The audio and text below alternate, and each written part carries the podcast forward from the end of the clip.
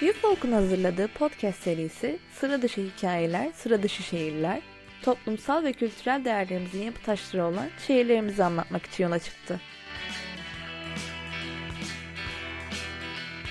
Damak zevklerinden eğlence biçimlerine, doğal güzelliklerinden mimari unsurlarına, el sanatlarından zanaatkarlarına ve ustaların yaşanmışlık hikayelerine değineceğimiz yayınlarda yaşayan kültür değerlerimizi sizlerle paylaşacağız. Ben Sıla Günay ve bugünkü konumuz birçok dine ve inanca ev sahipliği yapmış olan şehrimiz Hatay.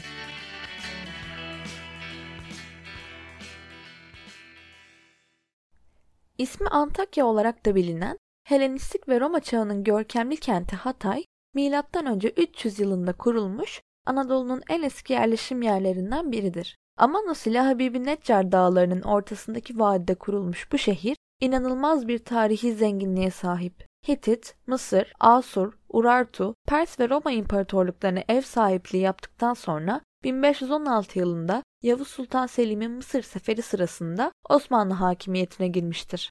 Akdeniz ve Mezopotamya arasında bir köprü görevi gören bu şehir zaman içerisinde pek çok göç almış ve göç vermiştir. Bu sebeple İslam, Hristiyanlık ve Musevilik inançları iç içe yaşamış olup halen daha cami, kilise ve havralar yan yana varlıklarını sürdürmektedir. Sizlere biraz bu dinlerden ve ibadethanelerden bahsetmek istiyorum. Kent, konumu sayesinde Roma döneminde zenginliği ve refahı, entelektüel yapısı ve kurumları ile Roma İmparatorluğu'nun doğudaki en önemli metropol kentidir. Farklı kültür ve dillerin yaşam bulduğu Antakya, Hristiyanların üç dini merkezinden biridir. Diğer ikisi Vatikan ve Kudüs'tür. Burada Hristiyanlık hemen kabul görmüş ve kısa zamanda yayılmış. Kudüs'ten gönderilen havariler burada toplanmakta. Hristiyanlığı yaymak üzere Anadolu ve Yunanistan'a buradan yola çıkmakta ve dönüşlerde yine bu kente uğramaktaydılar. Kudüs'ün tahribinden sonra Antakya Hristiyanlığın merkezi haline gelmiştir. Habibi Neccar Dağı'nın yakınında kayalara oyulmuş dünyanın ilk mağara kilisesi olan St. Pierre Kilisesi veya Aziz Petrus Kilisesi Antakya'daki ilk Hristiyanların gizli toplantıları için kullandıkları Hristiyanlığın en eski kiliselerinden biri olarak kabul edilir. Bu kilise Papa 6. Paul tarafından hac yeri ilan edilmiş. Kilisenin o dönemlerinden sadece taban mozaiğinin parçaları ve sunağın sağında duvar boyamalarının izleri kalmıştır. Günümüzde bir müze olan kilisede valiliğin izniyle müze müdürlüğü denetiminde ayin yapılabilmektedir.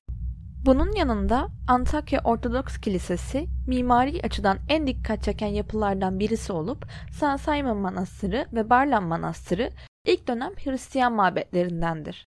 Katolik Kilisesi, Aziz Nikola Ortodoks Kilisesi, İtalyan Katolik Latin Kilisesi ve daha birçok Hristiyan ibadethaneleri halen daha yapılarını korumaktadır.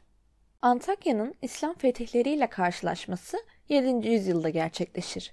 Bu fetihlerle birlikte Antakya'da İslam dininin gerektirdiği yeni yapı türleri inşa edilmeye başlanmış, böylece kent farklı bir karaktere bürünmüştür. İşte bu yapılardan biri belki de ilki Habib'in Neccar Camii'dir. Kur'an'da Yasin suresinde bir şehir halkına Allah'a inanmaları için gönderilen iki elçiyle daha sonra onları desteklemek için gönderilen üçüncü bir elçiden söz edilir. Halkın bu elçileri yalanlamaları üzerine şehrin öbür ucundan koşarak gelen bir adamın onları iman etmesi üzerine öldürülmesi ve cennetle müjdelenişi anlatılır. Şehit edilen kişinin Habib'in Neccar olduğu rivayet edilir. Cami de onun adına yapılmıştır. Mimari açıdan en büyük özelliği girişin sağında Hazreti Yahya ve Hazreti Yunus'a yani Yasin suresine sözü edilen iki elçi olduğuna inanılan kişilere atfedilen çift başlıklı bir sandukanın yer almasıdır. Diğer camilerden bahsedecek olursak Selçuklu tarzını anlatan Ulu Cami 16. yüzyılda yapılmış olup Antakya camilerinin en büyüğüdür. Musevi cemaatine mensup şu anda Hatay'da yaşayan 17 kişi kaldığı için bazı havralar diğer adıyla sinagoglar kapatılmış. Kullanıma açık olan tek ibadethane Antakya Havrası olup 1700'lü yıllarda inşa edildiği tahmin edilmektedir. Büyük bayramlarda ve önemli günlerde törenler düzenlenmektedir. Havra'da bulunan el yazması Tevrat ise 500 yıllıktır. Şehirde bulunan Ermeni kiliselerini de unutmamak lazım. Batı Ayaz, Vakıflı, Karasun Manuk ve Belen Ermeni kiliseleri varlıklarını halen sürdürmektedirler. Yüzyıllardır duyulan ezan, çan ve hazan sesleri Hatay'daki dinler mozaiğinin birer parçalarıdır. Aynı caddenin bir köşesinde Hristiyanlığın ilk yıllarında kilise olan Habibin Neccar Camii, Katolik Kilisesi ve Yahudi sinagogundan gelen sesler günün bazı saatlerinde birbirine karışır. Hoşgörünün başkenti haline gelmiş 13 medeniyetin izlerini bıraktığı mirasıyla ilk küresel şehir olma özelliğine sahiptir. Etnik kökeni, inancı farklı insanlar bir arada barış ve huzur içerisinde yaşıyorlar. Hatay'ı bir cümleyle tarif etmek gerekirse, insanların birlikte yaşama alışkanlığını sevgi, saygı ve hoşgörü temelinde yaşam biçimine dönüştürdüğü kenttir diyebiliriz. Hatay, binlerce yıllık birlikte yaşama kültürü ve mirasını ben, sen yok, biz varız sloganıyla ifade ederek 1939'da ana vatana katılmıştır. Bugün de tüm samimiyetiyle muhafaza etmektedir. Vakit ayırıp dinlediğiniz için teşekkür ederiz.